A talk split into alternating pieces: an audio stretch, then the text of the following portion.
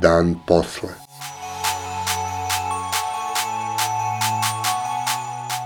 Podcast o krizi i njenim posledicama.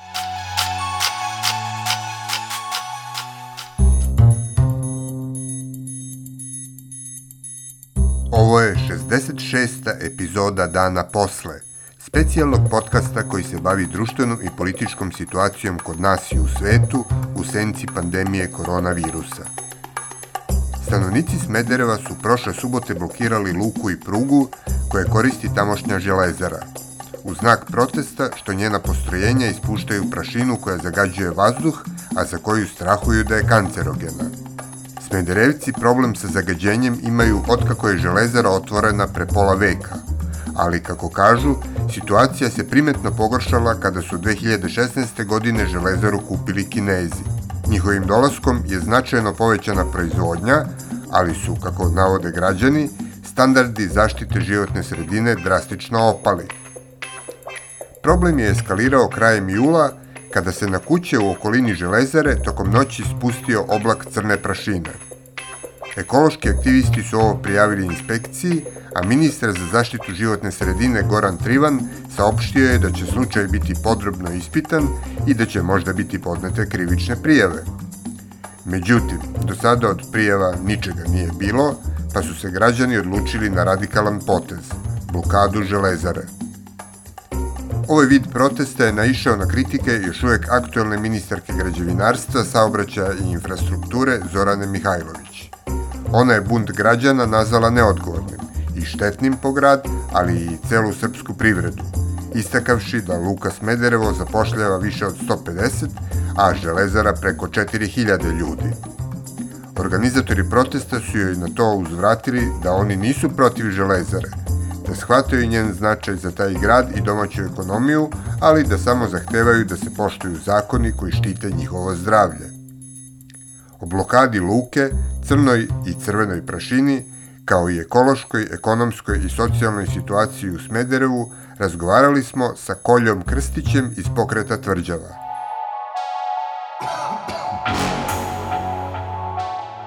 Dan posle. Ovih dana je Smederevo ponovo e, privuklo pažnju snimcima neke vrlo čudne prašine koja je popadala po celom gradu. Šta je to što pada na Smederevce i šta se zna o toj materiji? Koliko je opasna, kakve posledice može da izazove? Pre svega ono što, što plaši je što je i dalje to neka crna prašina koja ne znamo šta je. To je mnogo opasnije nego da znamo šta je, makoliko da je, da kažemo, ovaj, štetno pozdravlje. I dalje se zvaničnici ne oglašavaju, kažu da je to neka prašina od rude. Ako je to prašina od rude, kao što su rekli, onda je to jako opasno zato što je to kancerogena prašina. Mi smo uzeli uh, uzorke za laboratoriju, onako kako su nam savjetovali stručnici, stavili smo ih u sterilnu posudu i to ćemo da, kad nađemo laboratoriju koja će hteti ovaj, da, da nam to analizira, mi ćemo izaći sa tim rezultatima, ali do ta će to biti neka crna prašina koje ne znamo sastav. Da li je problem da se nađe laboratorija koja bi bila voljna da analizirate uzorke? Pa ovako, mi ćemo zvanično uh, obavestiti uh, laboratoriju Agencije za zaštitu životne sredine.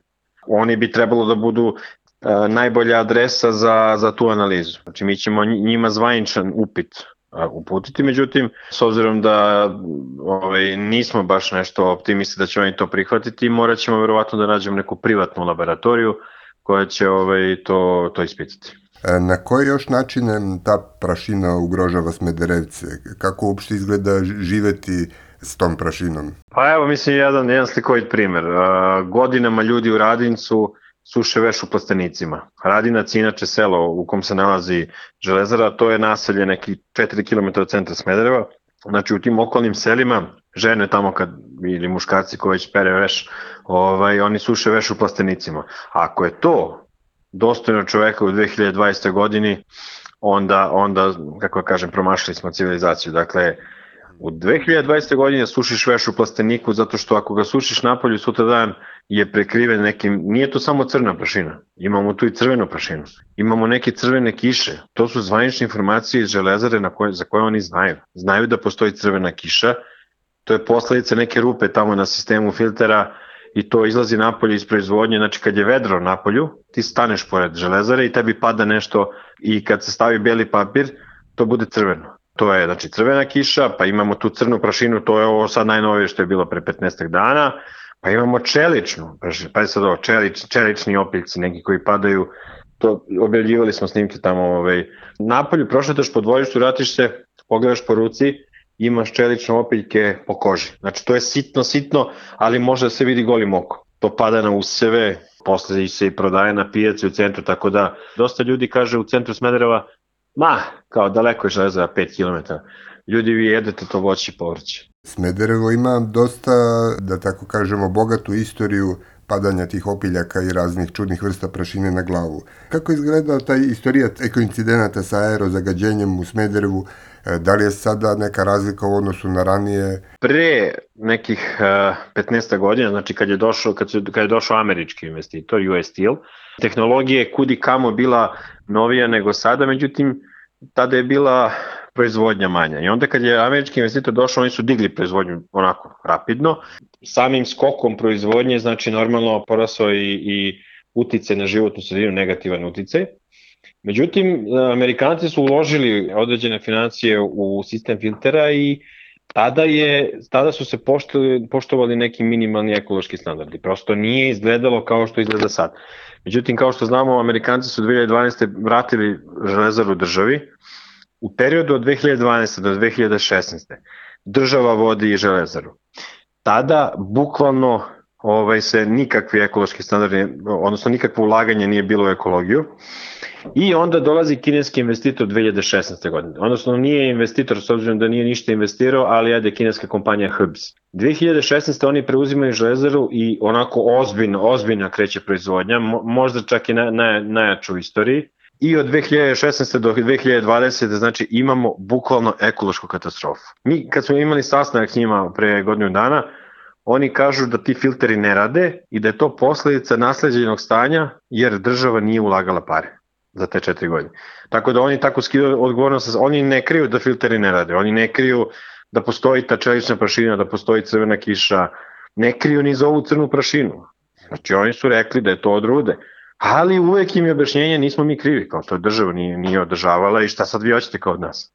Postoji svojevrsno bratstvo u nevolji između Smedereva i Bora – E, oba grada imaju slične probleme. Koje su zapravo sličnosti, a koje razlike između situacije u Smederevu i u Boru? Pa pre svega ono što je zajednički meniti to je da je kineska kompanija i u Boru i u Smederevu pravi tu ekološku katastrofu. Znači kinezi su na zajednički menitelj.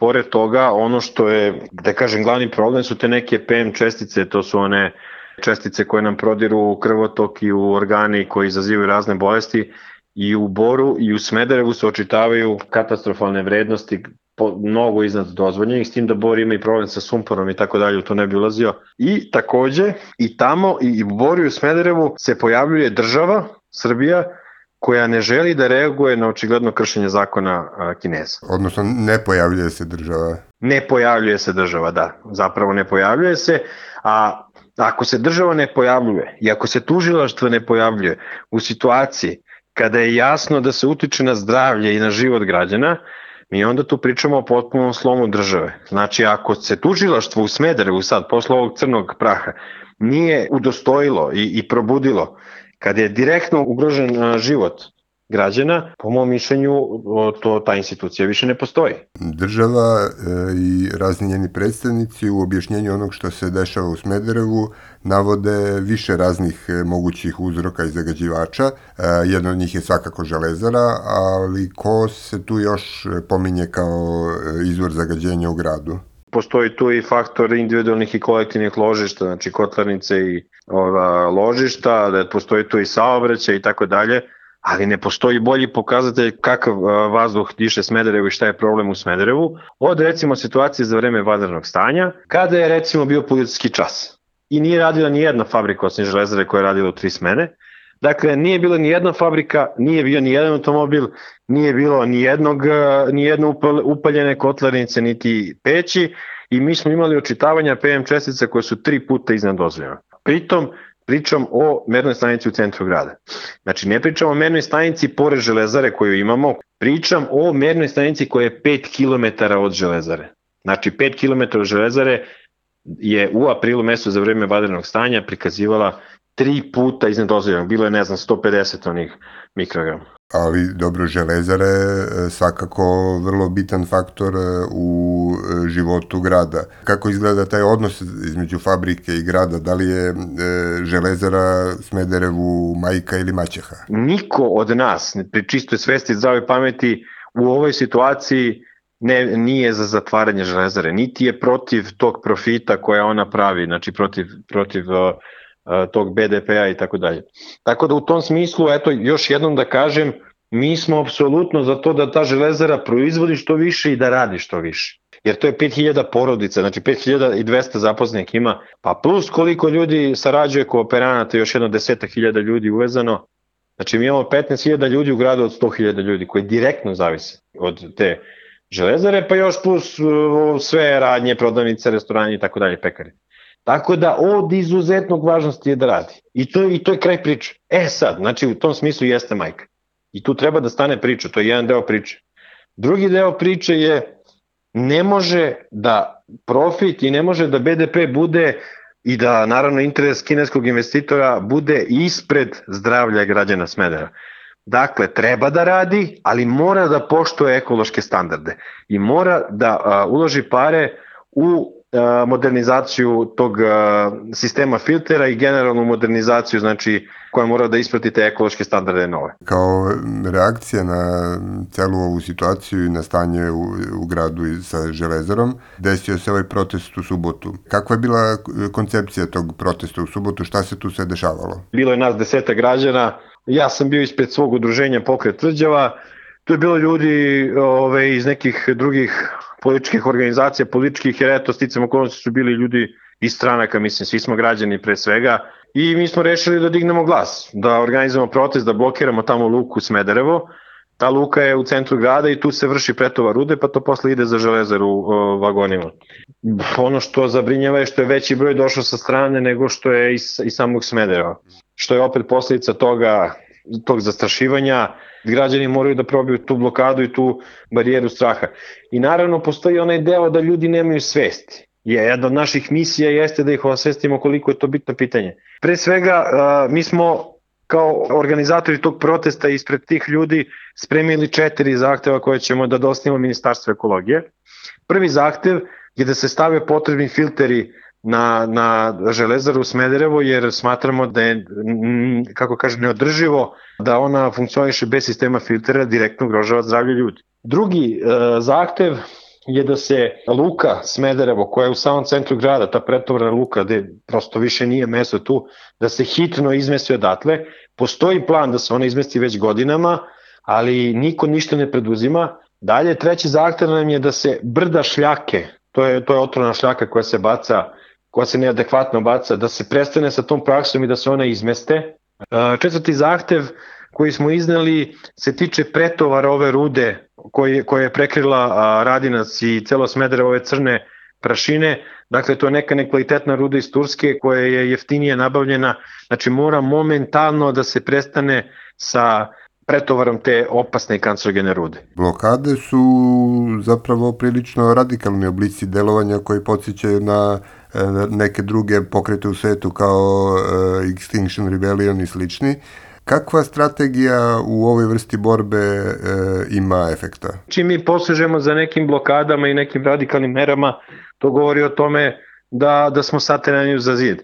Ja bih samo napravio razliku, znači ne radi se o nekoj nasilnoj blokadi i nekoj, nekom nasil, nasilnom prekidanju proizvodnog procesa, već je to bilo više simbolička blokada. Znači nas 400-500 je stalo, bukvalno prešlo preko koloseka, ogradili smo trakom ovaj, kranove i sve i prosto po, postojali smo tu nekih pola sata i proizvodnje, mislim, oni su i ovako zaustavili proizvodnju dok smo mi protestovali, nisu nikakav pretovar vršili, Tako da nije to bila prava blokada da mi sad tu ne dozvolimo nekome da, da radi. To, to je bilo više jedan, jedan protest upozorenja, da stavimo do znanja da je A kako da kažem, ne, ne možemo više, ne, nema dalje. Eto, došli smo tu i, i stali smo vam pod kran.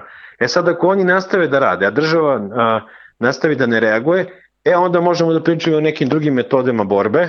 Naravno, ovaj, ne, ne bih otkrivao na koje metode mislim, ali mislim da bi morale da budu radikalije. A ko je zapravo nadležan za rešavanje problema Smedereva sa tim padajućim e, česticama rudne prašine i opiljaka? Nadležno je Ministarstvo ekologije i tu nema, tu nema nikakve, da kažem, filozofije. Oni su direktno nadležni, pošto je Železara pod republičkom, da kažem, jurisdikcijom. Pre svega tu postoji republički uh, ekološki inspektor, on je izašao na teren i doneo je neke njegove mere. Te mere su bile manje više besmislene s obzirom da je doneo meru da se noću ne pretovara ruda nego danju, da može danju da se pretovara i tako to mislim budalaštine. On je deo ministarstva, znači ministarstvo je to koje po zakonu o zaštiti vazduha ima mogućnost da donese uh, meru zabrane rada železari u tim situacijama kada ona direktno utiče na život i zdravlje ljudi. Ministarstvo mora da krene da radi svoj posao, naravno ono raspolaže i drugim metodama kao što su prekršene prijave koje mogu da budu izuzetno visoke, da natera tog, tu kompaniju da poštuje ekološke standarde. Prosto to je mehanizam koji funkcioniše svuda u svetu, u svim demokratskim zemljama koji imaju institucije, ali da li se Srbija može u ovom kontekstu nazvati demokratskom zemljom? Ja mislim da ne. Pa kako uopšte nezadovoljni meštani komuniciraju sa nadležnim institucijama? Ima li tu ikakve komunikacije? Ma kakve, ne, ne postoje oni za, ni za kompaniju, ni za institucije ti ljudi ne postoje, ti ljudi su, kako ja kažem, duhovi. Znači, da, da nema nas nekoliko ovako iz udruženja i tamo par meštana koji su, kako da kažem, sve, ekološki osvešćeni koliko je to opasno, ne bi niko tu ništa reagovao, niti bi se niko bavio tom temom, kao što se nije ni bavio, ta tema ne bi postojala uopšte. Tako da oni smatraju da nemaju potrebe ni da razgovaraju, niti da obrate pažnju na te ljude koji žive tamo, prosto jedan potpuni onako odnos, odnos nepoštovanja prema, prema tim ljudima koji žive tamo. U ovoj emisiji smo najviše govorili o zagađenju e, kao e, udarnom problemu u Smederevu. E, koji još lokalni problemi postoje u vašem gradu? Mi se bavimo kao udruženje pokret tvrđava, pre svega se bavimo tim nekim komunalnim problemima koje muče svakodnevno ovaj, građane. Znači, Pre svega postoji tu jedna tema jako ozbiljna, a tiče se transporta opasnog gasa kroz centar Smedereva. Mi imamo kompozicije sa tečnim naftnim gasom koje na 50 metara od šetališta glavnog prolaze u, u skladište koje je nelegalno izgrađeno i za to postoje krivične prijeve još od 2013. i 14. To je jedan ozbiljan problem sa kojim muku mučimo i imali smo performans. Ove, ovaj, ukazivali smo na to u glavnoj ulici, onako malo delili letke ljudima osvešćivali koliko je to ozbiljno pitanje, tako da to je jedna tema koj, ćemo mi da se bavimo.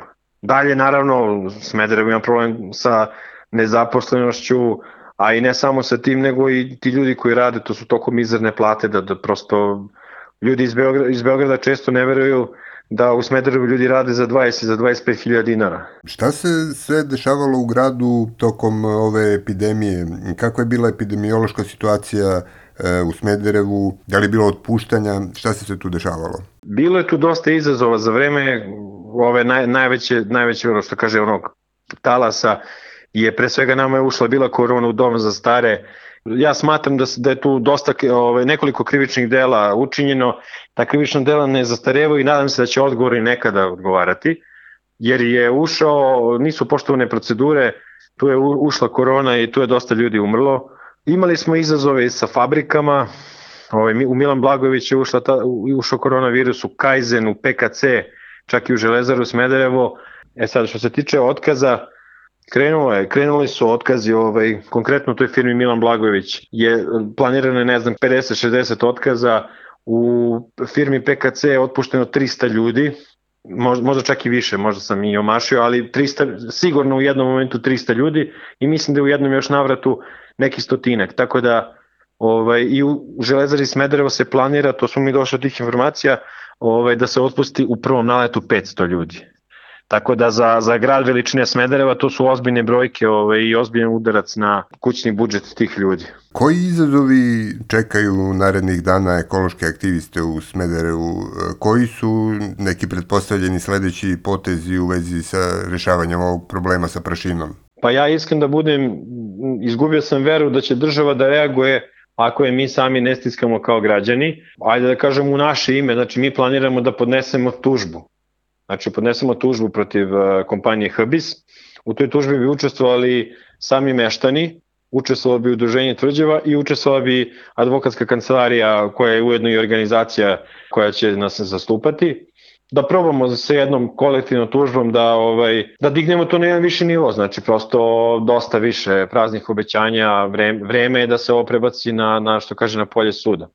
S druge strane, mi ćemo da nastavimo sa svojim akcijama građanskim, ovaj, konkretno sad planiramo neki marš na, na Beograd za čist vazduh, gde ćemo odneti, ispešačit ćemo od Smedreva do Beograda i odnećemo zahteve, pređemo na pisanicu ministarstva i plan je da predamo te zahteve e, nek, nekoj od beogradskih organizacija koje se bave pitanjem ove isto ekologije, gde bi one dodale svoje zahteve na to, pa dalje prosledili nekom drugom gradu, tako možda da ispešače do nekog drugog grada i da zapravo taj papir onda kruži celom Srbijom, da vidimo da na taj jedan papir stavimo sve zahteve svih većih gradova Srbije. Da probamo da formulišemo, da vidimo prvi put svi zajedno šta su zapravo ekološki problemi koji muče e, građane cele Srbije.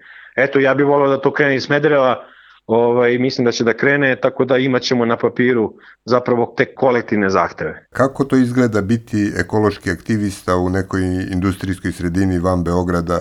Šta sve neko ko se odvaži na to može da očekuje da će, da će doživljavati? Pa pre svega može da očekuje da će doživeti ogroman stres. Ljudi koji su u Beogradu i koji se bave aktivizmom nemaju tu vrstu pritiska koji imaju ljudi po manjim sredinama, gde im se direktno, direktno se oni pozivaju. Pozivaju im se porodice, preti se otkazima, preti se fizičkim nasiljem, psihičko iživljavanje, da te neko zove, svašta piše. To je s te jedne strane.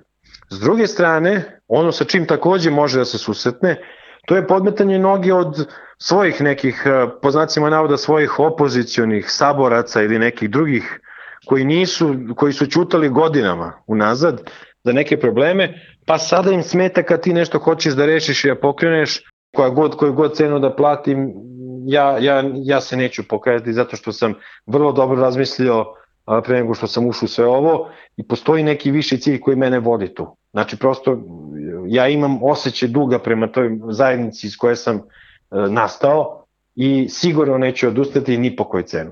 I ja sam siguran da ovo nije borba protiv vetrenjača, nego da je ova borba e, za, za, za živote ljudi, mislim da nema većeg motiva, i ja verujem da će, ovaj, da će urojiti plodom i da ćemo napraviti neki veliki promen u Smedrevu.